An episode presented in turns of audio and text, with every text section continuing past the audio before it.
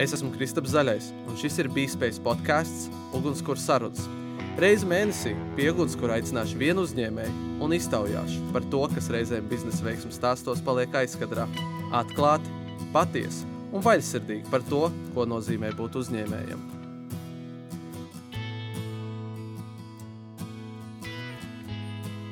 Kā tad ir? Ginta, patīk būt pie ugunskura vai arī ne tik bieži esi pie ugunskura? Uh, nē, nē, tas man ir tā tuvu sirdī. Ir īpaši šie vēlēji vakari tagad.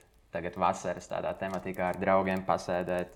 Odi arī nav tik ļoti liela čomi pie uguns, kur esot. Tā, tā omalīgi patīk man tas. Es atradu kaut ko par tiem modiem, jo es vakar reāli aizbraucu mājās ar draugiem sēžot, dēļ tā, ka tie odi vienkārši nokoda. Es zinu, ka viss kaut kas ir mēģināts tās dūlās, tur dū, dūmu sveces, kas tur ir tādā virtenī, un ka tur jākrīt, un viņi tā kā mūka prom, un tie visi spreji. Bet, nezinu, liekas, liekas, ka tie odi arī palikuši gudrāk, kaut kā adaptējušies un nostiprinājuši savu imunitāti pret to visu. Pat reāli piekrīt, man arī liekas, ka viņi palikuši viltīgāki. Teiksim, tā, Mhm. viņi arī pārdomā savu taktiku. Teiksim, tā. Jā, bet, nu, zinu, kā tas ir tāds mazs upuris, ko neslēpj pie uguns, kur pasēdāt. vai ne? Kā domā, kas ir tā maģija? Tur uz to sadatnīgo spiedu, ka tas tas iemesls, kāpēc mums tā patīk, vai, vai ir kas cits varbūt? Uh, es, nezinu, es domāju, ka kaut kādā ziņā jā, tā, tā, tā var būt terapeitiski. Ir īpaši, varbūt pat foršāk dažreiz ir nevis tie brīži, kad tu runā, bet zin, kad tu sasēdies ar draugiem bariņā un pat ir pilnīgs klusums, tik dzirdi kā tās pagalas sprakšķi un, un, un, un tā mazliet hipnotizējoši. Tā kā kaut kas, kaut kas primāls tur ir iekšā. Mhm. Nu, un, ja es liktu iepazīstināt ar uh, Gintu, kā tu iepazīstināt cilvēku ar Gintu? Šitais foršs jautājums. Šitai vienmēr dabūju pieredzēt, kad gāju uz darba intervijām. Bija, kā tevi draugi noraksturot? Un tad tu sēdi un domā, ko, ko lai pateiktu tādu, lai mani pieņemtu darbā. Ne, nevar jau visu teikt. Jau, Labā ziņa šodien darbā neņems. Nu, jā, tā par sevi, ko es varētu pateikt. Nu, jauns puisis vēl, kuram patīk domāt radošas lietas un pieejas, lai stāstītu stāstus par produktiem, par zīmoliem un uh, komunikāciju vispār. Tu, jā. Tā kā tas galvenais atslēgas vārds būtu stāsts. Mm. Stāstnieks? Stāstnieks, jā. Mhm. Kas ir stāstnieks? Vienkārši zinu, kā dažreiz stāstnieki tie pie ugunskura, kas stāsta, zinu, tad ir Minhausena stāsti. Kāds to ir stāstnieks? Uh, es esmu vairāk tāds stāstnieks, kuram patīk sagatavoties. Vairāk tā kā varbūt prezentētājs vai pičotājs. Jo bija kādreiz, uh, it īpaši sākot studijas stradiņos, ka baigi tu sevi kā vērtēji uz to stāstnieka ziņu, ka tu vari improvizēt uz vietas. Tu atnāc nesagatavojies, un tu vari noimprovizēt, un tu jūties tāds mm, tautas valodā sakot, baigies vecis, ka tu tur neesi sagatavojies. Bet tad gadiem ejot uz priekšu, tomēr labāk patika tā, ka tu sēdi kādas divas stundas, nosli, divas, stundas divas dienas, noslīpē to stāstu, zini, kur tev kas ir jāsaka, un to visu nopārdot tādā foršā paketē. Tā kā es esmu labākajā gadījumā, kā man patīk sagatavojies stāstnieks, kas zina, par ko es runāju, kāpēc man tas ir jārunā, ar ko es runāju. Un, uh, nu, protams, improvizācija sanāk, bet uh, tur, tur es nejūtos tik komfortabli.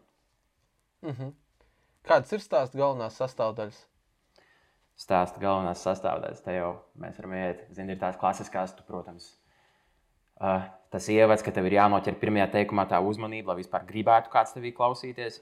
Jo varbūt tev tur, zini, varbūt tikai trešajā teikumā sākās tā īstā esence, bet tu sākumā nenoķer to uzmanību, nu, tad tu tur vari runāt, ka tu esi atklājis, uh, es nezinu, vakcīnu pret vēzi. Visi jau būs sen aizgājuši prom.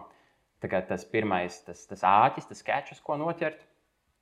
Un, protams, arī man liekas, liels tāds instruments ir mainīt to savu balsi, to tonalitāti, ka tu ne, nevis runā monotoni visu laiku un ir tikai. Bet tieši atrast tās īstās uzsveres, kā dzējoli skaitot, vai nu tu dzējolim tur uzsver sākumu, vai tur izcēl vienu vārdu, otru, trešo.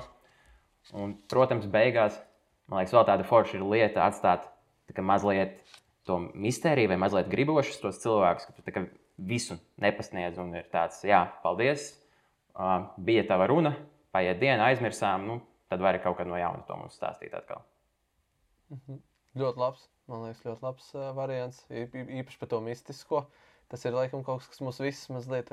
Uzāķē, kāds saka ar to sākumu un beigās.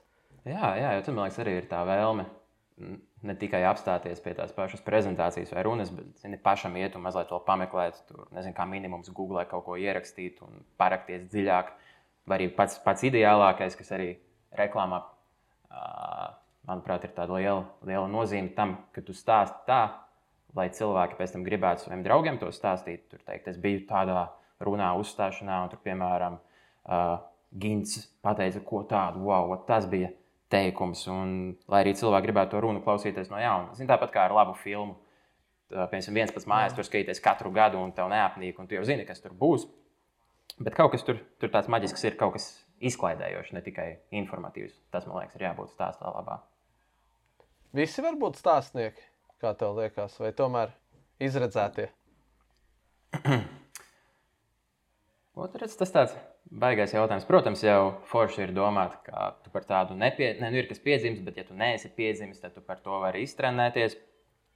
Un uh, pašam ir paveicies tādā ziņā, ka, protams, gadiem ejot, tās stāstnieku abilities, angļuiski sakot, varbūt uzlabojās, bet uh, es esmu gājis uz īpašiem kursiem un pie mentoriem, lai to trenētu.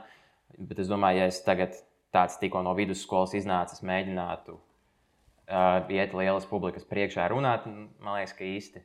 Nē, tā kā uztrenēt, es domāju, to var, bet man liekas, kaut kam tur ir saknē jābūt jau mazliet tādam iekšā. Mm -hmm.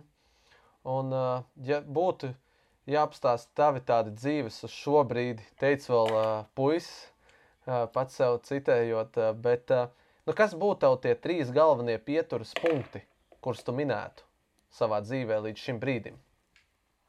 Uh, tādi ko pašam man patīk reflektēties un, un, un, un, varbūt izcelt, ir, protams, tas, ka es nokļuvu startupā Kāsprint. Tas man uh, likās tāds, tāds, tāds diezgan nozīmīga lieta priekš manis. Trešajā, ne, otrajā kursā jau sākās tur sadarbība, vēl joprojām turpinās. Tad uh, par, pašiem, par to pašu stāstnieku tēmu runājot, pagājušā gada tekčilā tika uz lielās skatuves pičot. Tas man bija tieši tajā uzstāšanā un, un stāstīšanā diezgan tāds nākamais līmenis man pašam vismaz. Un uh, tagad pēdējais posms, visnesenākais, kad sāku ar savu kursu biedru, ko mācījāmies kopā, paši veidot tādu tā savu mārketinga, rad, vien, kur viens ir radošais, viens ir stratēģis apvienība, ka ejam pie uzņēmumiem un cenšamies to savu klientu portfolio vākt un attīstīt kas, ko mēs sākām tikai šogad, bet jā, tā ir diezgan jauna lieta, ko, ko mēs abi pirms tam nebijām darījuši. Ja pirms tam bija algots darbs, un tagad zin, no nulles iet un mēģināt nopārdot, kāpēc tieši pie tevis nāk, kāpēc tu esi tas cilvēks. Tur kaut kāds čalis, kurš pirms gada pabeidzis strādiņus, kāpēc tu tagad būsi tas, ar ko mums tur jāslēdz līguma un jāsadarbojās.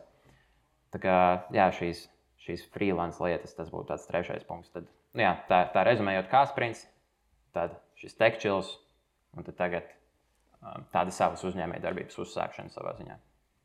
Mm -hmm. Nu, tad paiesim pa soļiem. Uh, varbūt var klausītājiem daļai ir jauns uh, vārds, Kasprints, startups. Uh, varbūt var tā īsumā pastāstīt, kas tas ir. Uh, jā, protams, Kasprints ir uh, startups, jeb latviešu jaunu uzņēmums, kurš ir Latvijā dibināts un nodarbojas ar no plasmasas 3D printētu ģipšu izstrādi. Nu, ja, ja runājam medicīniski, ar fiksatoru izstrādi priekš lūzumiem, kas būtu rokām, pēdām, kājām, pirkstiem. Un, uh, tas ir domāts kā alternatīva tradicionālajiem ģipsim, ko mēs visi zinām, kas ir šis baltais, smagais. Tad, uh, jā, 3D printēta ģipša. Mm -hmm. Un uh, tālāk uh, pieminēja, uh, palicamies viens solis priekš. Man liekas, ļoti interesants stāsts par freelanceru. Uh, tas arī vēl viens tāds, uh, teiksim, svešvārds. Varbūt atkal kāds skolēns, students, pirmie kursi, varbūt nav dzirdējis, varbūt var ieskicēt, kas ir freelancers. Un varbūt var mums arī iedot to atbildi, nu, kāpēc tad ar to studentu no RSU slēgt to līgumu?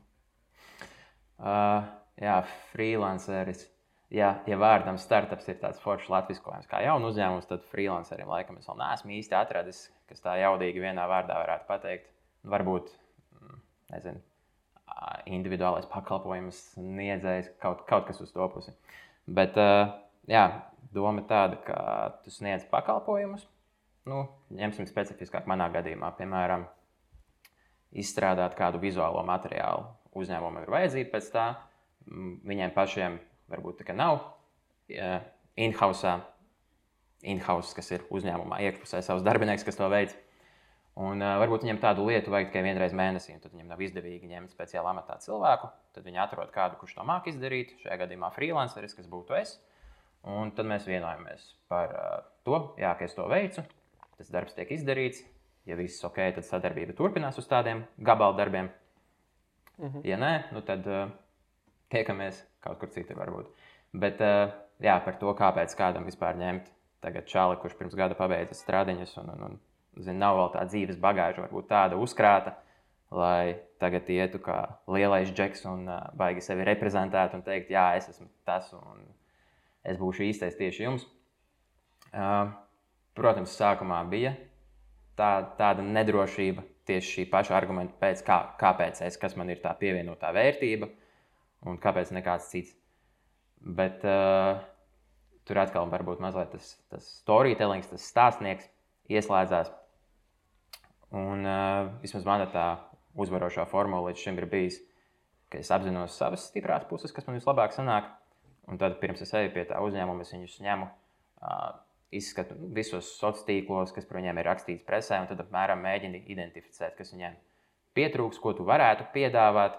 Varbūt dažreiz ir tā, ka tas uzņēmums pats neaizdomājās, ka viņam šī lieta ir vajadzīga, kamēr tu pats neteiksi, hei, jums viss ir ok, bet uh, apstāties, jums konkurenti dara tā, jums tā lieta nav es jums varu viņu piedāvāt, jo viņi strādā.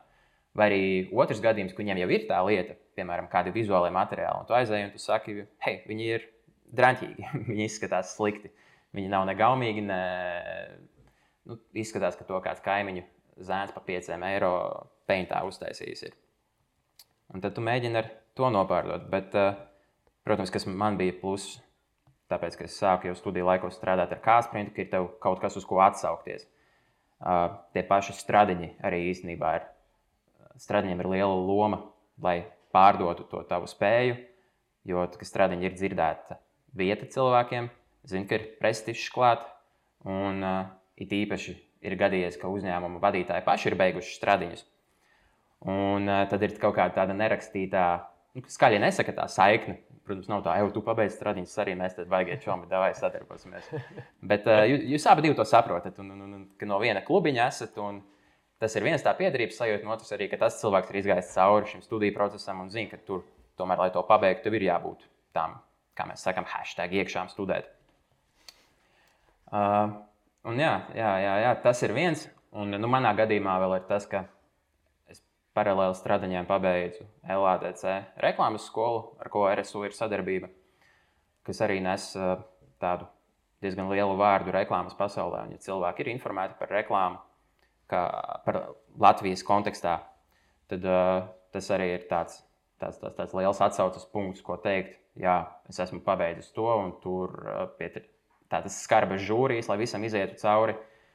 Un uh, ka varbūt nav tik liels vēl tas dzīves rūdījums, bet tie kaut kādi skili, iemaņas, zināšanas jau ir, lai varētu to visu piedāvāt. Un arī, ja iet pie kaut kādiem uzņēmumiem, tad es esmu ievērojis, ka dažreiz ir uh, vieglāk no ārpuses novērtēt viņus un piedāvāt viņiem kaut ko nekāpienas. Ja viņiem pašiem iekšienē būtu šis dizaineris vai kas, ka tu mazliet esot tajā vidē, tu vairs nevari objektīvi uztvert, kas mums ir ok, kas mums nav ok, bet atnākot no malas kāds ar pavisam jaunu, svaigu skatienu uz to, tad var kā, konstatēt šīs lietas, kas ir labi, kas nav labi, un kuras vispār nav, bet kuras vajadzētu darīt. Tā, tā jā, diezgan gari par to, bet uh, okay. man liekas, kaut kāda esence var izvilkt no tā. Vai ne? No visa, bet uh, man liekas, šeit uh, bija ļoti daudz svarīgu pieturas punktu, un es vienkārši visu to klausoties, neizklausās pēc, uh, kā saka, medus maizes. Uh, Nu jā, nu jā, tas ir tāds, ka tu dabū ie, ielikt to darbu, ieguldīt to darbu, lai tos augļus pēc tam plūktu. Nav, protams, tik, tik ērti, kā jau vienbrīd bija arī pastrādājis. Algotu darbu, kas ir nu, tradicionālais 9 līdz 5, pirmdiena, piekdiena. Jā. Un, eh, protams, tādā ziņā tas ir daudz ērtāk, ka tu vari rēķināties ar to savu, ka tev katru mēnesi būs tas N cipars ienākumi zini savas darba stundas, darbs beidzās, brauc mājās pie sievas, bērniem, televizora, kur, kur nu kurais. Uh, ir brīvdienas, un ka viss ir tā ļoti paredzami un ļoti forši. Bet uh, tam freelancam, varbūt kas arī tiek vairāk uh, romantizēts tādā ziņā, tā kaut kāda brīvība, ka tu pats sev nosaki tās darba stundas, uh, patīk no rīta strādāt, strādā no rīta, patīk pa nakti, strādā pa nakti. Negribi darba dienās strādāt, zini, ka tu vari tos darbus izdarīt nedēļas nogalē, dari tad. Bet, jā, te, protams, ir atkal tas, ka nav tāda konkrēta garantija. Kā es teicu, varbūt tā, ka uzņēmums to paņem tikai uz to vienu projektu, un tu mēģini tālāk nopārdot sevi un domā, ka viņš ar tevi visu laiku sadarbosies, bet viņi pasakā, nē, mums vajadzēja tikai priekš tā. Un tad tev atkal kaut kāda ienākuma daļa atkrīt, un tu domā, kā lai to atsit atpakaļ. Bet uh, ir pavālējies arī ar tādiem uzņēmumiem, kuriem ir piedāvāts pakalpojums, kas iet mēneši. Likmē, piemēram, mēnesī jāizdara N skaits lietu, un tad slēdzam līgumu uz gadu, un tad var rēķināties, ok, tas ir nokārtots, es zinu, ka tur man būs, es zinu, ka es izdarīšu darbu, darbam pretī samaksa, un tas jau ir kaut kas konkrētāks. Bet jā, ir diezgan, diezgan jāiegulda tas darbs, lai atrastu tādus ideālos variantus. Un, protams, arī klāt nāk visas šīs grāmatvedības lietas, kas uh, ir īpaši stradiņos. Es atceros, pirmajā kursā, nu, pirmais kurs man negāja īpaši pie sirds. Jo, nu, labi, tur es pats biju vainīgs. Es baigi neizpētīju to programmu. Es apstājos nosaukumu, startautiskais mārketinga un reklāmā. Nu, forši, tas, tas, kas man interesē, jāiet mācīties. Un tad pirmais kurs - grāmatvedība, finanses, mikro, makroekonomika. Un es domāju, nu, jo, Haidī, kad sāksies tās reklāmas, kad par to mārketingu kaut ko stāstīs? Un tad, nu, protams, viss tika nolikts. Nu, tā, godīgi sakot, ķeksīšu pēc. Un tas ir izdarīts, nu, tad gaidīšu to otro kursu, kad sāksies. Bet uh, tagad, jā, kad ir izvēlēts tas freelance ceļš, Tev liekas, tas vēlams vajadzēja tajā pirmajā kursā vairāk klausīties. Jo tagad tu dabū to pašu visu mācīties, bet tikai pašceļā burties visam tam cauri, kā tas notiek. Un tā kā jā, tā ir tas, ka nevienas zināšanas dzīvē nenāk, nenāk par lieku. Bet nu, tajā mirklī kaut kāda jaunība, un tas, ka tu esi iedomājies, ka nē, man šo nevajadzēs nekad dzīvē, tomēr pierādās pretēji. Tā gadās dzīvē. Jāpiekrīt, jāpiekrīt. Es arī dažas svešvalodas, ko esmu mācījies, tagad ļoti nožēloju, ka vairs nemāku. Bet uh, tajā brīdī tieši tā kā tu saki, likās, ka priekš kam tas.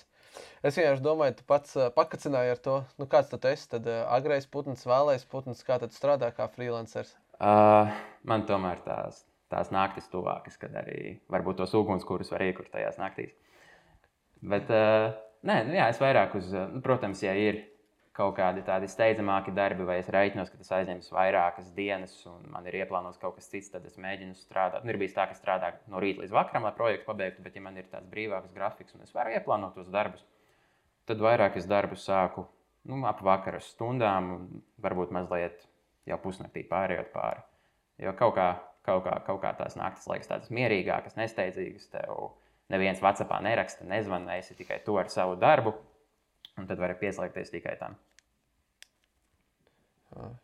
Bet, nu kā šajā darbā vismaz izklausās, nu, zin kā no vienas puses, protams, forši būt pats sev tur priekšnieks, vadītājs vispārējais. Bet nu, tur gan jau, nu, līdzīgi kā teicu, tur apzināties tur deadline vai ne, ka tur ir jāno, jāizdara projekts, jānodod. Nu, nav baigi vajadzīga pašmotivācija, un kā pašam nav kādreiz, ka tā pašmotivācija nokrīt uz leju un kaut kur sanāk nokavēt kaut ko. Jā, protams, ir bijis. It īpaši sākumā. Uh, tas, tas ir piemēram projektiem, ja tu sarunā tur mēneša sākumā. Piemēram, līdz mēneša beigām jāuztaisa kāds plakāts, vizuālais materiāls, uh, scenārijs, nu, lai nu kas būtu. Bet tu domā, tas ir mēneša beigas. Tagad ir mēneša sākums. Nu, tas var padarīt kaut ko citu, un tad nāks tuvāk tas, tas termiņš, tas deadline. Nu, tad es jutīšu to spriedzi, varēšu pieslēgties. Un tā tu vēl, vēl to laiku, līdz beigās atopies, vēl vēlams no rīta jāiesniedz jau ir. Un tad tu ņem un izdari un pieņem to darbu un liekas, ok, viss kārtībā. Zin, pasūtītājiem patīk, to es izdarīju, uh, viss ir ok. Bet uh, no tā ieraduma es diezgan ātri tiku vaļā. Jo, uh, lai gan tās saistības tiek nokārtotas un viss tiek termiņos izdarīts, pēc tam pašam ir tādi kaut kādi morālie pārmetumi. Liekas, ja es būtu pieslēdzies ātrāk, es būtu izdomājis labāk, es būtu uztaisījis kaut ko labāku. Tagad bez mazliet laiks tev jau spiež, un tev ir jāizdara. Vienkārši jo tev tas ir jāizdara, un nav tev laiks, varbūt paņemt dienu pauzi, atnākt atpakaļ, uzmest tāds apstīties sev, tomēr šis nav ok. Kaut kas te ir jāpārmaina. Un, uh, tad jā, tas, tas pašā sākumā diezgan, diezgan morāli uz to sita virsū. Tā, tā paškritika diezgan liela ir par to visu. Ka tu, tu zini, ka tu varēji labāk, un kaut gan tam otram cilvēkam patīk, tas varbūt nav tik liels motivators, kā ja tev pašam tas patiktu arī vēl. Tāpēc, jā, sā, sākumā, protams, tā bija, bet paliek labāk ar tiem termiņiem. jā, termiņi nevienam nav draugi ja, līdz galam. Jā, tas gan. Bet, uh, nu tad uh, visticamāk to motivāciju nu, atrada īstenībā kaut kādā ziņā pats savā, nu, ja var teikt, tādā morāļņikā, pats sevi lamājot, uh, sodot. Jā, nu tā. jā, jo tomēr ir kaut kādi tie priekšstati par sevi, kaut kāds, kaut kāds latiņš, ko tu sev esi piemēram, noteicis un liekas, nu, to es tiešām varu izdarīt, un tas man ir jāsasniedz, un es varu izdarīt pat labāk. Un tad, kad tu izdari kaut kādu darbu, un tu tā pasties, un tu saproti, ka viņš ir zem tās latiņas, tad ir pilnīgi tāds, tāds kauns. Negribas tur nevienam viņu rādīt, nekādam teikt, es šito darīju, es šito taisīju. Tas, ka nav ar ko, ar ko palapoties. Tā kā, tādā ziņā, jā, priekš manis vismaz tas nav tikai tāda zinu, lieta, ar ko nopelnīt uh, naudu, bet arī kaut kas tāds, ko, ko pašam patīk darīt un gribas ar to lepoties un gribas izdarīt tik labi, cik es to varu. Nevis tikai ķeksīšu pēc, un jūs man samaksājat, un ok, forši. Un, ja paturpinām mazliet to domu par tām smukajām reklāmām, kuras tur vis kaut kur ir un nav, tur stāstīt, tur nesmukāk, smukāk, nu man viņas visas vai nu vienādi sliktas, vai nu vienādi labas. Es domāju, nu kā profesionāls skatās uz vispār tādu Latvijas reklāmas uh, nezinu, tirgu ainu, kā izstāsta, ver acis ciet, televizoru neskaties, skaties. Nu, kā, kā ir, ka tas tik ļoti neiekšā? Uh, jā, tas tādā, tādā ziņā, kā tu teici, ka tas nu, zini, visas vienā maisā metamas. Tur visas mēģina kaut ko pārdot, visām beigās ir nāc pie mums, kaut kāds links, spiedz šeit, un mēs esam labāki, jo lieta ABC. Mm. Jo pirms arī es sāku mācīties reklāmu. Tas pats bija variants. Nu, Nesalīdzināja augsts, bet tas man liekas, varbūt ir. Varbūt salīdzināms jebkurā profesijā, ja tu tajā esi baigi iekšā. Tāpat kā zini, vīna degustātors nevar nekad vairs pēc tam mūžā vienkārši pasēdēt un pamalkot vīnu. Ar draugiem vienmēr tur būs. Nē, te, tajā buķetē kaut kas nav kārtībā. Un, protams, ja mēs skatāmies uz lielajiem uzņēmumiem, kuriem ir pieslēgušās lielās reklāmas aģentūras, ja tur ir viss ir maksimāli noslīpēts un viss jaunākajiem trendiem seko, seko līdzi tur ar jauniešiem runā jauniešu slēngā un vārdos, un viss izstāsta ok. Uh, bet uh, tādiem mazākiem uzņēmumiem, tīpaši, kas ir nu, mazpilsētās vai, vai, vai varbūt startupiem, kuri tikko sākuši, kuriem vēl nav tā sava identitāte nostiprināta, tad uh, varbūt tas stāsts neiet tik ļoti par to, vai tā reklāma būs smuka vai nē, bet uh, kā viņu uztaisīt tādu, lai tu pēc tam redzot viņu to at, zināt, kas ir par uzņēmumu. Varbūt tikai pēc krāsām, varbūt tikai pēc fonta vai kaut kādiem animācijas zīmējumiem, uh, padarīt sevi atpazīstamu, radīt to savu rokrakstu. Un uh, nav arī tā, ka zin, ir nebeidzams skaits fontu, nebeidzams skaits krāsu, un, ja maksimā ir zila krāsa, tad ne, nebūs tā, ka es tagad gribu, lai man ir zilā krāsa, lai ieraugtu to zilo krāsu un domā par mani, nevis par maksimumu. Un uh, tad te te mazliet pieslēdzās arī ne tā radošā, bet tā stratēģijas puse, ka tu ņem un pēti, kam tu vispār gribi pārdot, kas ir tie patērētāji, kur viņi uh, atrodas, kādas varētu būt viņu intereses, un to toni attiecīgi arī izmantot. Tam varbūt, ja tu mēģini pārdot cilvēkiem, kuri jau ir 40 gadi vai vairāk, tad tu neliksi iekšā kaut ko tādu, kas būtu 18 gadniekiem. Tur, zin, tagad ir īpaši modē ir šai saucamajai Gen Z paudzei, kas ir 18, 25 gadnieki, ka viņiem reklāmās vispār tas stils ir mazliet uz tādu, kā lai pasaktu, trešī būtu angliski, latviešu būtu varbūt nenoslīpēts. Ka, zin, tur Photoshopā nav perfekta pa pikseliem izgriezta bilde, bet nu, tāda mazliet nevīžīga uztaisīta. Tur varbūt kaut kas mazliet nesalasāms, varbūt ieliks iekšā kaut kas tāds, kas tradicionāli ne, nešķiet glīts. Uh, Bet, piemēram, atkal vecākām paudzēm pastītos un teikt, fuck, tas kā tas izskatās, kas, kas to sametis kopā. Nav nekāda gaumas izjūta. Tā kā, jā, tas ir ļoti atkarīgs no tās auditorijas, kurai tu to mēģini visu pārdot. Un, bet te, te arī radās tas konflikts mazliet, ka tu varbūt identificē, kādā stilā to vajadzētu taisīt un kādai auditorijai. Un tev tas šķiet ok, un tad otrs ir, ka tev pats tas pasūtītājs un klients saka, bet man šādi nepatīk. Man, man šī tā nepatīk. Tā, tā nav mana mīļākā krāsa. Man patīk sarkans, nevis zils. Un uh, tad tur atkal ir jāmēģina, lai pārliecinātu, ka mēs netaisām to priekš tevis. tu jau nebūsi tas patērētājs. Mēs taisām priekš cilvēkiem, ko tu mēģini uzrunāt. Un tad, uh, nu, nu jā, ir bijuši gadījumi, ka šis konflikts veidojās, un tad tu domā, kā lai to atrisina. Un bija arī tā, ka tu tā kā, nu, varbūt piekot zobus, paklusē, izdari, lai ir apmierināts. Tad nākamo uztaisīt labāk, kā tev patīk. Tad, varbūt tu kaut ko palaidi vaļā, lai pēc tam uztaisītu labāku. Tad, tur arī ar to pašu klientu ir tās attiecības diezgan akurāti jāmanevrē viņām cauri, lai, nebūtu, lai netaisītu reklāmu tikai tā, kā viņam patīk, bet uh, tā, kas varētu patikt viņa mērķa auditorijai un kas viņus uzrunātu. Tad, tur ir jā, jāmāk sevi mazliet no tā visa distancēt. Arī kā teicis viens no Latvijas tādiem zināmākajiem reklāmistiem, Eriks Stenzinieks, ka, piemēram, viņš apskauž māksliniekus. Jo, ziniet, ja tu esi mākslinieks, tev ir sava tehnika, tev ir savs triepiens, tu tur visu mūžu krāsos zirgus uz audekliem vai puķītes, vai superrealistiski taisi vai abstrakti. Un tad reklāmā, it īpaši, strādā ar vairākiem klientiem, tu nevari atļauties tādu varbūt luksusa lietu, ka tu pats iz, izstrādāji savu stilu, kas man patīk un liekas gaumīgi, un to uztaisu visiem. Tev ir katram jādomā bezmazliet no nulles, pavisam kaut kas, kaut kas jauns. Un, protams, ir brīži, kad tas ir vieglāk, ir brīži, kad tas ir grūtāk, ir brīži, kad tu ņem no kāda paš, pašpiko un mazliet kaut ko pamaini. Bet eh, jā, tas, ka visu laiku jādomā, kā, kā citādāk parādīt Tu nevari izmantot to pašu fontu, ko tu izmantoji jau iepriekšējiem klientam, kaut gan viņš ir diezgan ok, tev ir jāatrod kaut kas cits. Un ka tu to savu stilu īsti nevari baigi izkopt. Varbūt, nezinu, klientu portfelī ar kādiem klientiem sadarbojas, varbūt tikai ar startupiem, kur startupiem, man liekas, ir tā iezīme, ka ir varbūt tas mazliet dumpinieciskais, tas, tas, tas mēs mazie pret lielajiem. Tad tur tā tonalitāte varbūt visiem plus mīnus ir vienāda, tā, tas, tas underdog stāsts. Bet tāpat jau jāatrod katram tas savs stāsta veids, kā viņi iepakot smuki. Kurš ir tāds labs uzņēmums Latvijā, kā piemērs, teikt, kuram ir vienmēr foršas reklāmas vai nu, galvenokārt foršas reklāmas? Uh, tā, ko es varētu minēt? Nu, man pašam pēdējā laikā uzrunājušas ir polam reklāmas. Tīpaši viņiem uz uh, vidas reklāmām tie plakāti tādi ar, ar, ar, ar, ar divdomīgiem saukļiem, varbūt, bet tādi, kas piesaista uzmanību.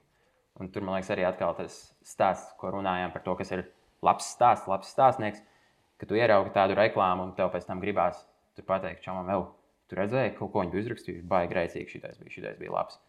Un tad, kad tu ieraugi, piemēram, nu, nesauksim tur konkrētas modes zīmolus, bet zini, kas ir stokā, nu, tradicionāli tur skaista meitene, plīvojošā kleitā un rakstīs 20% atlaidi. Es nezinu, vai tu baigi brauks mājās, un pēc tam tur runājot ar draugiem, teiks, ej, nu, es ieraudzīju tik smuku reklāmu. Tur tāda meitene bija uztaisīta, viņai kleita plīvoja tā, kā nevienai citai nekad nav plīvojusi, uz pavisam citu pusi. Bet eh, jā, tādā ziņā man liekas, Paulam ir diezgan labi, jo viņiem tie saukļi, piemēram, tagad, kad viņiem ir jauna saldējuma līnija, tur eh, viņiem ir tāds mazs saldējums. Man liekas, viņš saucās Donuts, tās apakšas, un tam bija tā reklāmas saukļi uzrakstīts. Nemācījuši citēt, bet doma bija tāda, mazs un spēcīgs kā Napoleons. Un, nu, tādas uh, lietas, kas tev liekas asprātīgas. Protams, ne, ne visi var būt asprātīgi. Tur var būt uh, tas izskatītos diezgan nekorekti, ja kaut kāda aptiekā mēģinātu būt asprātīga ar savām zāļu reklāmām vai ko tādu. Bet, uh, jā, Pols, tas man liekas diezgan, diezgan labi uztaisīts. Un, uh, Tad, man liekas, arī interesanti Zintaram, kas sākās tā zīmola atzi, atzimšana kā viņiem tas viss ir uztaisīts. Nu, tas pats variants, ka ieraugi, varbūt no tāluma nevar salasīt, bet ja tu vienreiz esi redzējis, tad tu kā, apmēram pēc kaut kādām krāsām vai aprisēm atpazīsti, ka tā varētu būt dzintara reklāma. Jā, tas būtu liekas, no jaunākajiem, no jaunākajiem lietām, kas man iekrīt acīs, pols un dzintars. Un, ja mēs domājam par, arī pieminēju par pašu paveikto, nu, par ko lepojas, nu, ir varbūt tāds viens, varbūt vairāk, nezinu, ar ko tu tā saki, jā, vat, šīs bija labs. Uh, jā, tagad, uh, kas tāds nesenākais strādājot ar valsts asins donoru centru. Mm, bija maijs, nē, marts, marts bija jubilejas mēnesis. Un uh, tad uh, jā, to mēs visu vizuālo uztaisījām, ņemot vērā no vēstures bildes, liekot tās vēstures bildes attiecīgi pret mūsdienu attēliem. Un, tad mēs to visu centra iekšieni noformējam ar tādiem baneriem un sociālajos tīklos gāja pēc vienas kampaņas, visi vizuāli. Uh, un, un, un, un, un, protams, arī presē taisīti uh, vizuāli, kas seko tam visam vienam principam, jo pirms tam bija taisīts. Ne, nebija tāda saskara ar vienotu stila kampaņām. Bija tas, ka jāuzstājas, piemēram, uz pirmdienu šī taisa, uz trešdienu tas, uz piekdienu kaut kāds cits posts. Tad tu taisi, jo katram viņam ir jānodod sava doma. Piemēram, vienam ir uh, jāaicina cilvēkus ziedot asinis, Vienam ir jāinformē par to, kas tev jāņem vērā pirms tu dodies ziedot. Un varbūt piekdienā tev ir jāieliek kāds ieraksts no intervijas, kur ir kāds centra darbinieks intervētas. Tas liekas tāds, nu jā, ok, tu tāpat to izdari. Tik labi, cik tu vari izdarīt. Bet uh, tomēr tādas kampaņas veidot liekas daudz, daudz interesantāk, jo tur arī to stāstu tu vari iepīt iekšā. Ka nav tikai tāda one-off lieta, ko vienreiz izdarīt, un tad ķerties nākamajai, nākamajai klāt, bet tev jārēķinās, būs vairāk elementi, vienotā stilā viņus jātaisa, kā, kā to stilu apvienot tā, lai viņš izskatās ok uz dažādiem formātiem, pieņemsim, gan sociālajos tīklos, gan uz tiem pašiem baneriem, gan uz uh, ielas ekrāna uzliekot. Tas bija viens. Tad uh, tagad arī bijām palaiduši uz brīvību Tas arī var būt viens no pieturpunktiem uz brīvības ielas, ir tas clear channel ekrāns, digitālais. Un uh, priekš tā bija jāuztaisa uh, video materiāls, kas aicinātu cilvēkus ziedot asinis. Un, uh, varbūt nekas tāds, ko es neesmu darījis, taisīt vizuālos materiālus, bet tas, ka pirmo reizi tas materiāls parādījās uz mājas sienas, un tad bija tāda, tāda diezgan forša sajūta braukt pa to brīvības ielu, un pēkšņi parādās tas, un tu pilnīgi pie luksafora mazliet jau lēnāk brauc, lai to sarkano noķertu un varētu, varētu rītīgi apstīties, kā izskatās.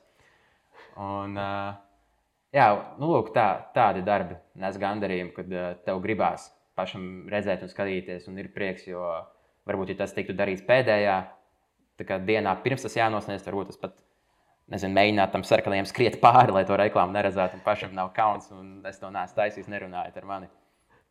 Un, Jā, tad par tiem pašiem asins donoriem tagad vēl viena liela lieta, kam pieslēdzamies. Tā esam priekš vasaras.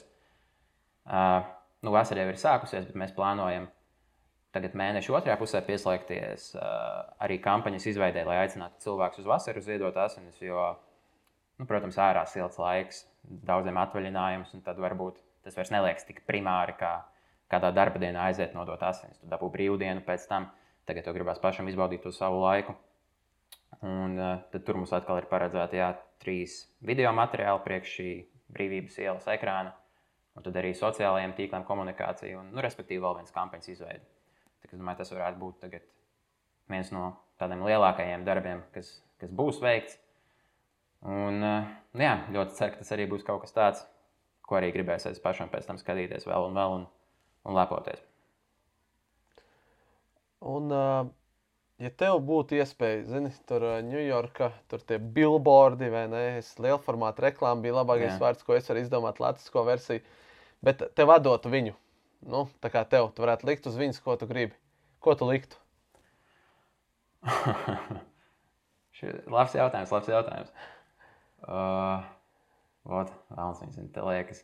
Pats, pats pirmais gribas kaut ko, zin, kaut ko dūlu uzlikt, kaut ko tādu, ko neviens nekad nav, nav redzējis, un, un, un kas būs rītīgi tra, traks. Bet, uh, nezinu, šis ir tāds, ko tiešām jāpasēž pie ugunskura līdz kādiem trijiem naktī ar kādu draugu un, un, un jāpabrainstormo, ko tur, ko tur varētu likt virsū. Bet, uh, jā, kat, katrā ziņā kaut kas, kaut kas varbūt mazliet kontroversiāls, kaut kas tāds, kas liktu. Kā, atvērt muti un paskatīties, un varbūt pat padomāt, kā, kā kaut ko tādu vispār tur var uzlikt virsū. Kas ir tāds tavs pēdējā laika lielākais pārsteigums? Uh, hm. Lielākais pārsteigums var būt tas pats. Ah, nu, atgriežoties pie tās freelance tēmas, pārsteigums man bija tas, kas vispār kādu līgumu parakstīja pirmo. Zin, ejot, ejot tur iekšā, bija tas tā naivā cerība, es šo daru, lai dabūtu tos līgumus un taisītu tos darbus.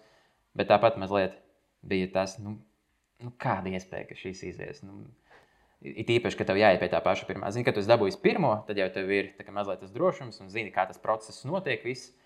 Bet tad, kad tās sarunas tiek vestas un tiek pateikts, jā, nu, labi, ok, vienojamies par ciparu, taisa augšā līgumu, tad tu tāds mazliet apsēdies un padomā, tikko sanāca. Šī, šī, šī tā ir tā sajūta. Tad, tā kā, jā, tas bija tas pārsteigums, rotni pārsteigums par to, ka kāds ar mani gribētu sadarboties, bet tas, ka kaut kas, kaut kas sanāca tāds, kur, zin, varbūt nav baigie guideline, kur tev nesaka priekšā, kas tev kā jādara ej pie tā cilvēka, saki lietu ABC, un tu nokļūsi pie iznākuma tur D.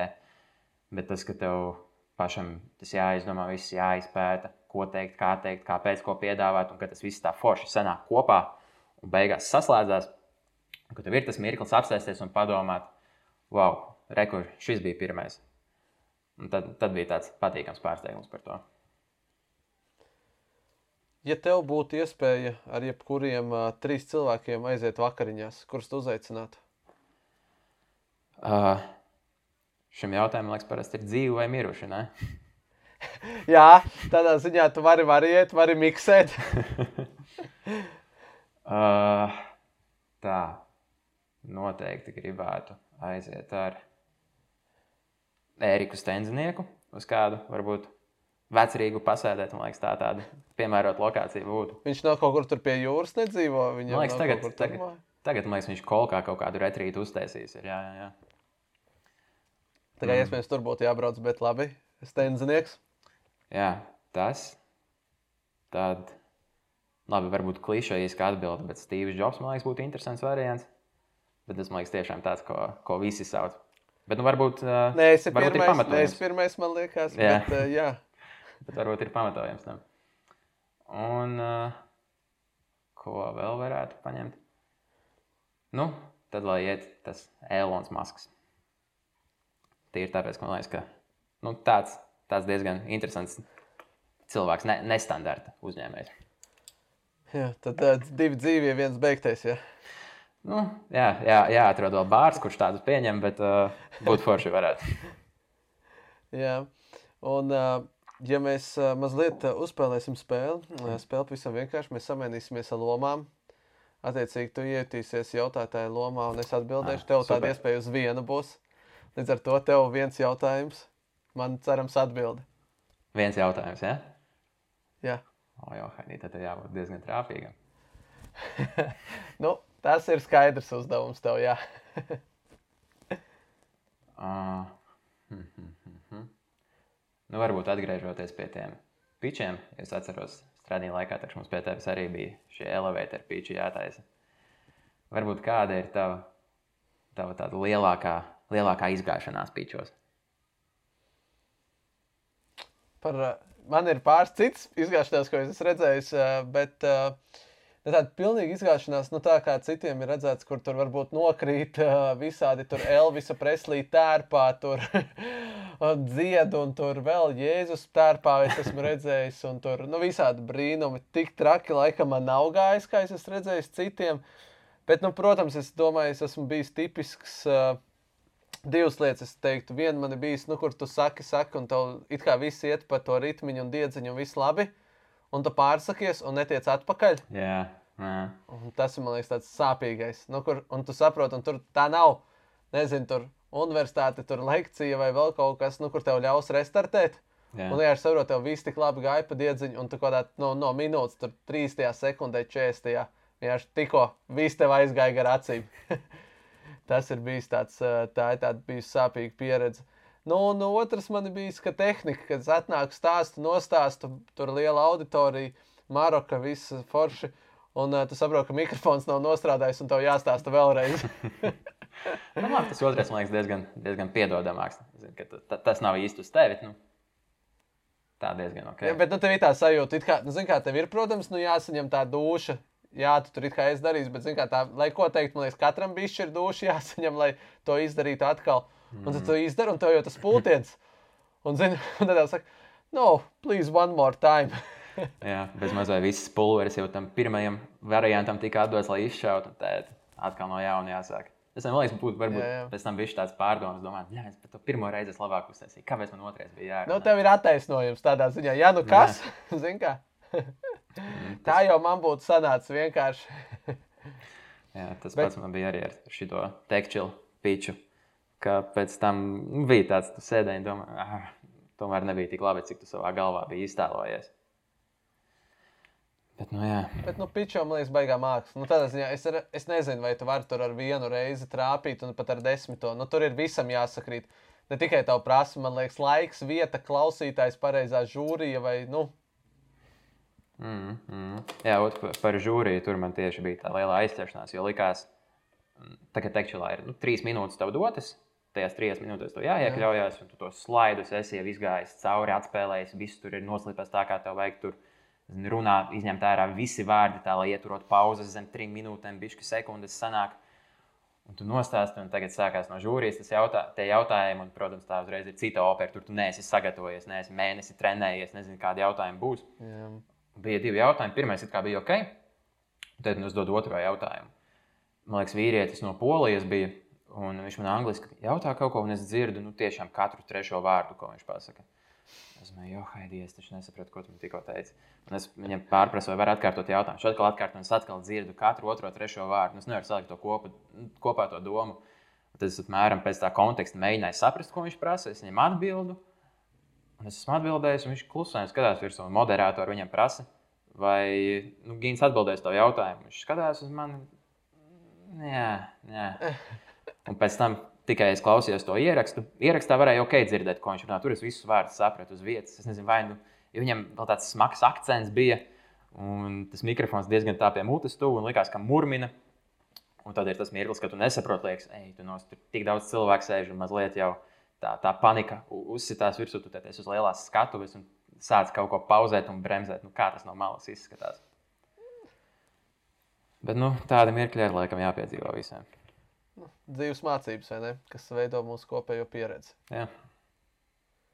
Bet uh, es domāju, vēl mazliet daudz runājam par darbu un to visu, bet uh, gan jau tev ir daudz kas uh, ārpus darba. Es domāju, kas ir gins ārpus darba, nu, ko dara, nezinu, guļ, neguļ, skrien, brauc. Uh,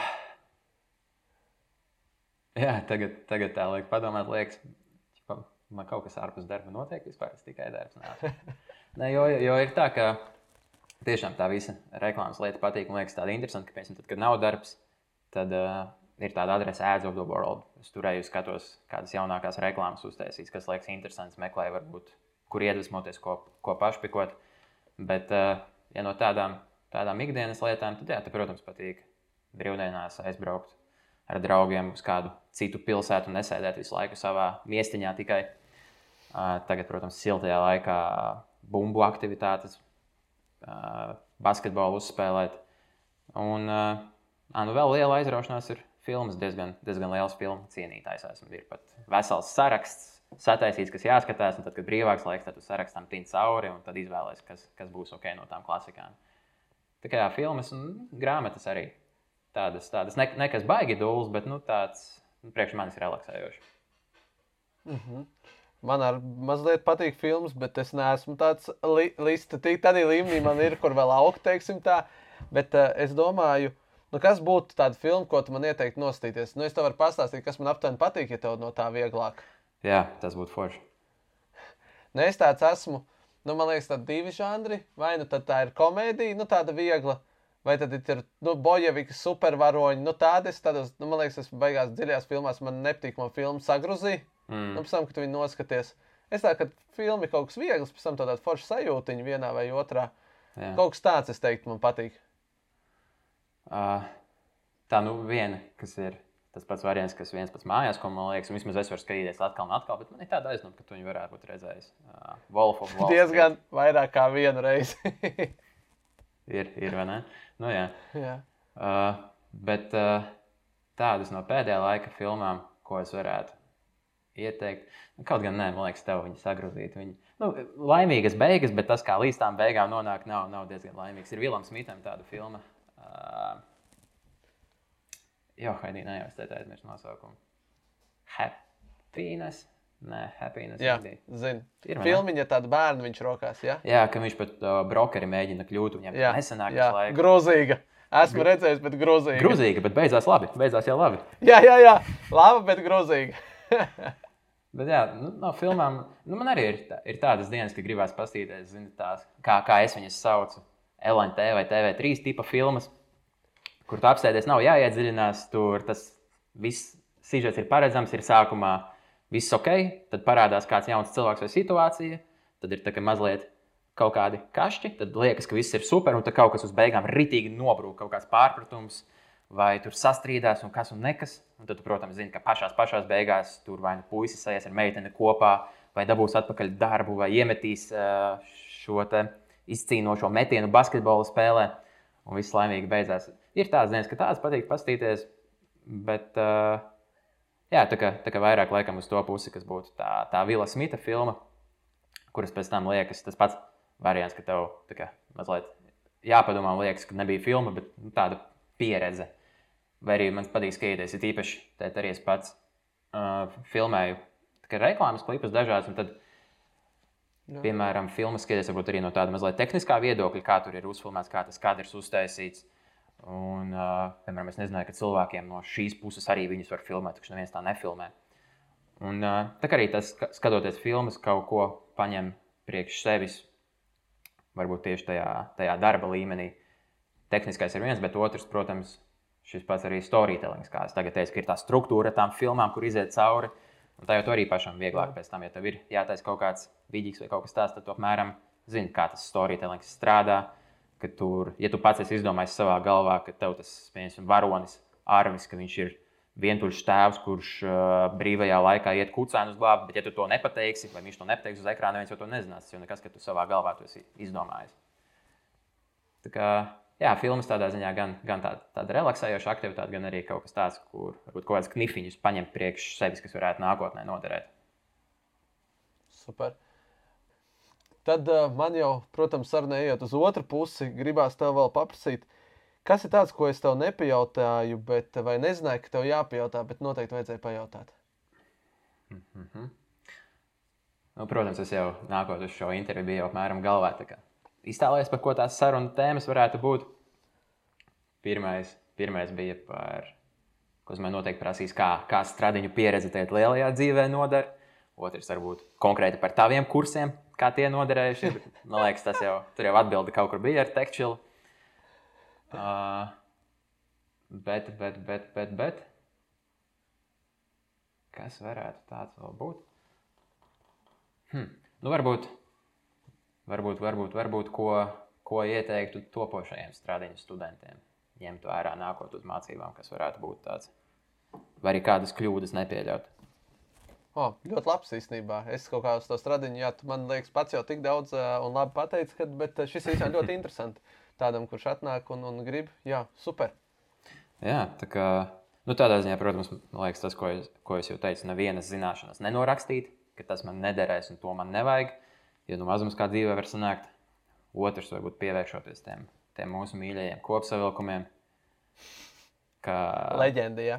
jā, ka varbūt rakstot tev, tev, tev, tev ir tās dusmas, un liekas, kāpēc man viņa jāraksta, un tik, tik daudz vēl, un, un, un, un, un, un tā, tas nekur nenoderēs, bet uh, runājot tīri no tāda darba, darba tirgus puses, varbūt cik pats es esmu gājis uz darba intervijām un runājis ar darba devējiem, ka st- tieši stradiņos, kad liek tev rakstīt šos kopsavilkumus, kā attīsta vienu tādu baigi labo lietu. Un, protams, viens ir tas, ka tu uzzini jaunu informāciju par dažādām tēmām, bet otrs varbūt tīri no tādas tehniskākas puses, ka baigi labi iemācās šķirot un atrast informāciju, kuri avoti ir ok, kuros avotos nevajag klausīties. Un, uh, tā, tā, tā, man liekas, ir tāda prasme, ko vismaz paskatieties tagad, kas notiek sociālajos tīklos, ka liekas, nenāk par sliktu ļoti daudziem cilvēkiem tādu, tādu attīstīt. Ka, Jā, jā. Ja, ja tavs avots ir kaut kāds, nezinu, Feliks, grubēns.blog.ru, nu, tad varbūt tur nebūs konkrētākā informācija, uz kuru balstīties. Uh, un, jā, un tad tieši par šīm darba intervijām teica to, ka, kā, ka tiek pieņemti jauni cilvēki, ka varbūt viena no tām lietām ir tas, ka vienkārši nemāk izsijāt to informāciju, nemāk ātrā laikā iziet cauri un atrast to vienu esenci. Varbūt ja arī atrod to informāciju, tev noliek priekšā piecas rindkopas, bet to visu var sasumēt vienā vai divos foršos teikumos, to pašu esenci. Un, uh, jā, un pēdējais, varbūt no manas pieredzes, ka sākt jau stradiņos, varbūt trenēt to savu termiņu ievērošanu darbiem. Ka arī bijušas vairākas naktis, kad novelku līdz eksāmena dienai, un tad tu sāc desmitos vakarā rakstīt kopsavilkumus, astoņos no rīta uz eksāmenu jāaizbrauc. Un beigās tu jūties tāds nekāds, un, un, un, un jau sāc pierast, ka tu pats sev pieradini pie tā, ka zin, varbūt pirmajā reizē tu divas dienas pirms termiņa sāc kaut ko izdarīt, otrajā vienu dienu, trešajā jau pāris stundas, un tu tā, mēram sāc to savu toleranci saprast, cik, cik kā, daudz laika man atstāt, lai es izlīdzu caur to adatas aci. Bet nu, ilgtermiņā nav baigi foršā lieta, tīpaši tādā saucamajā lielajā dzīvē, kas zin, ka vairāk to nav uz uh, līnijas vai nu kāda atzīme, vai, vai, vai, vai tas, ka tev būs jānāk pēc tam, kas rakstīts. Bet, nu, protams, tas vai ar tevi kāds gribēs turpināt sadarboties, vai tevi kāds uztvers nopietni, vai uz tevi vispār nevarēs paļauties, ka tu kaut ko izdarīsi laikā. Un uh, trešā, ne, šis nāk ceturtā vai trešā lieta. Bet uh, kas man arī palicis atmiņā, ir tīri šo labo attiecību uzturēšana ar pašiem docētājiem. Jo varbūt pirmajā kursā bija tā, ka, ja tīpaši nākot pēc vidusskolas un vidusskolā, vismaz man ir diezgan sabaidīja par augstskolas dzīvi. Tur teica, ar, te, ar tevi neviens neauklēsies, augstskolā šādi nebūs. Tur ir disciplīna līdz pēdējam un izbaudi to, kā tev tagad ir. Un, uh, tu deji uz universitāti, un tur ir tāda sajūta, ka, zini, tā šajās armijas filmās ir tas drill sergeants, un tev tur jāstāv pilnīgi. Neviena drēbe krunkaina nevar būt, un acis nekustina uz nevienu pusi bez atļaujas. Bet uh, tas, ka tā attiecību dinamika diezgan, diezgan forša tādā ziņā, ka vismaz kā man gadījās, ka nav tas, es te esmu autoritāte, tu esi šeit, lai mācītos, es stāstu tev, tu klausies manī, tu man neko nesaki un dari, kā es tev lieku bija drīzāk tāda sajūta, ka varbūt tā kā ar to, to, topošajiem kolēģiem kaut kādā ziņā, it īpaši, ja tu mācies kursā piesmēs par mārketingu, par topošo mārketinga speciālistu, un mhm. liela daļa docētāju paši arī ir tajā nozarē. Un tad bija diezgan brīva sajūta, ka var runāt gan par kursa lietām, piemēram, par mājas darbiem vai ko jāmācās uz eksāmenu, bet arī nevienu reizi vien es biju gājis un prasījis padomu par lietām, kas ir ārpus universitātes dzīves, pieņemsim par par pašām darba lietām, vai arī reklāmas, LADC reklāmas skolā, kad es sāku mācīties, tad mums bija jātaisa tādi saucamie brīfi, kas ir šie darba uzdevumi. Tad es arī gāju pie stradiņu docētājiem, prasīju, kā to izdarīt pareizāk. Un ne, nevienu pašu reizi es nedabūju atteikumu vai kādu teikumu, kā piemēram, tas uz mani neatiecas. Tas ir ārpus stradiņu lietām, ej un tiec pats galā. Kā brīvi varēju zvanīt, rakstīt ēpastus, iet pie docētājiem, sēdēt un prasīt tos padomus. Un, jā, un beigās beigās diezgan foršas attiecības tādā ziņā izveidojās. Ļoti forši. Prieks dzirdēt. Man vienkārši vēl domājot, kas jāapspēj, to noteikti pajautāt. Pats pieminēja par startupiem, un esi teorētiski un praktiski strādājis startupā. Un nu, šiem startupiem, nu, tipiski sākumā baigi nauda nav, bet, nu, zini, gribās tur kalnus gāzt un vispārējo. Un, protams, mm. tu saka ar reklāmu, nu, tur tas tev palīdzēs. Uh, Es vienkārši domāju, kāds būtu tavs ieteikums, kurš ir bijis tādā nozarē, kurš īstenībā ir bijis startupā. Nu, ar ko sākt tam startupam, reklāmā, varbūt nevajag, vajag kā, ko? Mm, es domāju, ka atgriežoties pie tā, ka man liekas, ka startup tajā dzīvē ir tas mazliet tas dumpinieciskais, un, un, un ka mēs tagad tie, tie mazie pret tiem lielajiem, tad man liekas, ka nav, ja taisa kaut kādas reklāmas, nevajag baidīties no kaut kā pārdroša vai domāt, kaut kādu drošāko variantu. Bet, piemēram, ir kāda traka ideja, ok, ņem un īsteno pat, ja tu nezini, pasaki kādiem čomiem, un nevienam tas liekas, nav neredzēts nekas, un tas nebūs ok. Jo, man liekas, ja tu esi startupā, tad tev ir tā mazliet tā luksus lieta, ka varbūt, ja tu izdarīsi kaut ko kreizī, zini, ir tas riska pakāpe, varbūt izies, varbūt cilvēkiem nepatiks. Bet uh, man liekas, tas iegūms daudzreiz atsver to risku tādā ziņā, ka, ja tu izdarīsi nepatiks, ok, paies nedēļa, divas aizmirsīs, varēs sākt no jauna. Tas nebūtu piemēram tas pats. Ja kaut kāds lielais uzņēmums arī mēģinātu kaut ko greizi izdarīt, un tad tur Delfos raksta TV, netā tur akcionāri sadusmojās, un tas vēl kāds līdzi visu mūžu. Uh, jo arī ir, manuprāt, diezgan, diezgan grūti atrast to savu identitāti un to balsi, kādā tu runāsi un kādā tu kaut ko veidosi. Un, uh, vismaz arī man bija forši tādā ziņā, ka es gāju uz kāsprintu, ka pats uzņēmums jauns, es, jau, es vēl nebiju pabeidzis universitāti. Un, uh, tas, ka mēs pa lielam mācījāmies un augām kopā, es pieņemu savas prasmes, ko es māku izdarīt, ko es varu izdom, izdomāt, kas ir jāizdara. Un arī pats kā sprint uh, ar katru gadu, varbūt pat mēnesi, savu produktu update. To. Un tas, ka daudz piedodamāka vieta kļūdām, jo ir tāda, vismaz man bija tāda tā mācīšanās zona vēl, ka man pieņēma un saprata, ok, tu tur neesi pats krūtākais, tev tur vispār nekāda pieredze nav, bet tāpēc tu esi šeit ar mums, jo mēs esam gatavi augt, tu esi gatavs mācīties, un tad, nu, vai iesim kopā to ceļu, pieļausim kļūdas, pieļausim, mācīsimies, darīsim labāk pēc tam. Un, jā, tāpēc es domāju, varbūt arī startupiem dot vairāk iespējas šiem studentiem un ņemt studentus klāt, jo nu, man tagad ir tikai, tikai labas attiecības un visas emocijas saistībā ar kāsprintu. Jo tajā laikā likās diezgan, diezgan dūli. Es tikai otro kursu pabeigšu, un jūs jau man piedāvājat darbu. Nu, vai tiešām es būšu kvalificētākais priekš tā? Bet uh, arī tas, ka ir tā mazā intīmā komanda, nav tur zini, simts cilvēki. Tas, ka tu vari savā starpā ņemt, brainstormot un varbūt justies tā tādā otrā ģimenē, tas ir forši. Bet, labi, tas aizgāja par daudz par emocijām. Bet, jā, reklāmas ziņā es domāju, ņemat, piedāvājat darbus studentiem, kuriem ir zini, svaigas galvas, varbūt tās kreizī idejas nāks prātā, kļūdīsieties, kļūdīsieties, ok, mācīsieties no tā. Nav, nav nekas zini, nes, nesalabojams, nav nekas neizstrādājams. Nu, un, uh, man ir nobeigumi pēdējie divi jautājumi, ko es uzdodu visiem runātājiem. Tad uh, sāksim ar pirmo. Kas tev dod iedvesmu ikdienā? Iedvesmu ikdienā man dod. Uh, tā arī var būt tāds tāds sentimentālā un klišejiskā atbilde, bet uh, mans, mans tēvs, jo nu, viņš pats ir uzņēmējs. Un uh, ka viņš savu uzņēmumu nu, no nulles pats ir uztaisījis, tas, ka katru dienu var redzēt, kā viņš cīnās un strādā, un tā darba etika viņam ir tāda, kā es nevienam neesmu redzējis, un pats arī augstu uz to, lai tādu sasniegtu. Un tas ir jā, tāds paraugs, uz ko es katru dienu varu skatīties un tiešām apbrīnot tos sasniegumus, un ka vēl joprojām pēc tik gadiem tas, tas drives, tas dzinulis liekas, viņam nav ne pa procentu mazinājies. Izklausās ļoti labi. Jā. Nu, un tad uh, otrais, ko ievērības uh, cienīga nākotnē tu vēlēsies paveikt? Uh, nākotnē noteikti es gribētu, bet tas laikam nav, nav varbūt gads, divi, tas varbūt ir kādi pieci. Bet ka noteikti gribētu savu, savu aģentūru uztaisīt un, eh, protams, savākt to, to ideālo klientu portfeli un vinēt šīs balvas festivālos, lai varētu lepoties. Lai ne tikai tu pats lepojies, bet citi tevi ņem kā piemēru un atsauktos.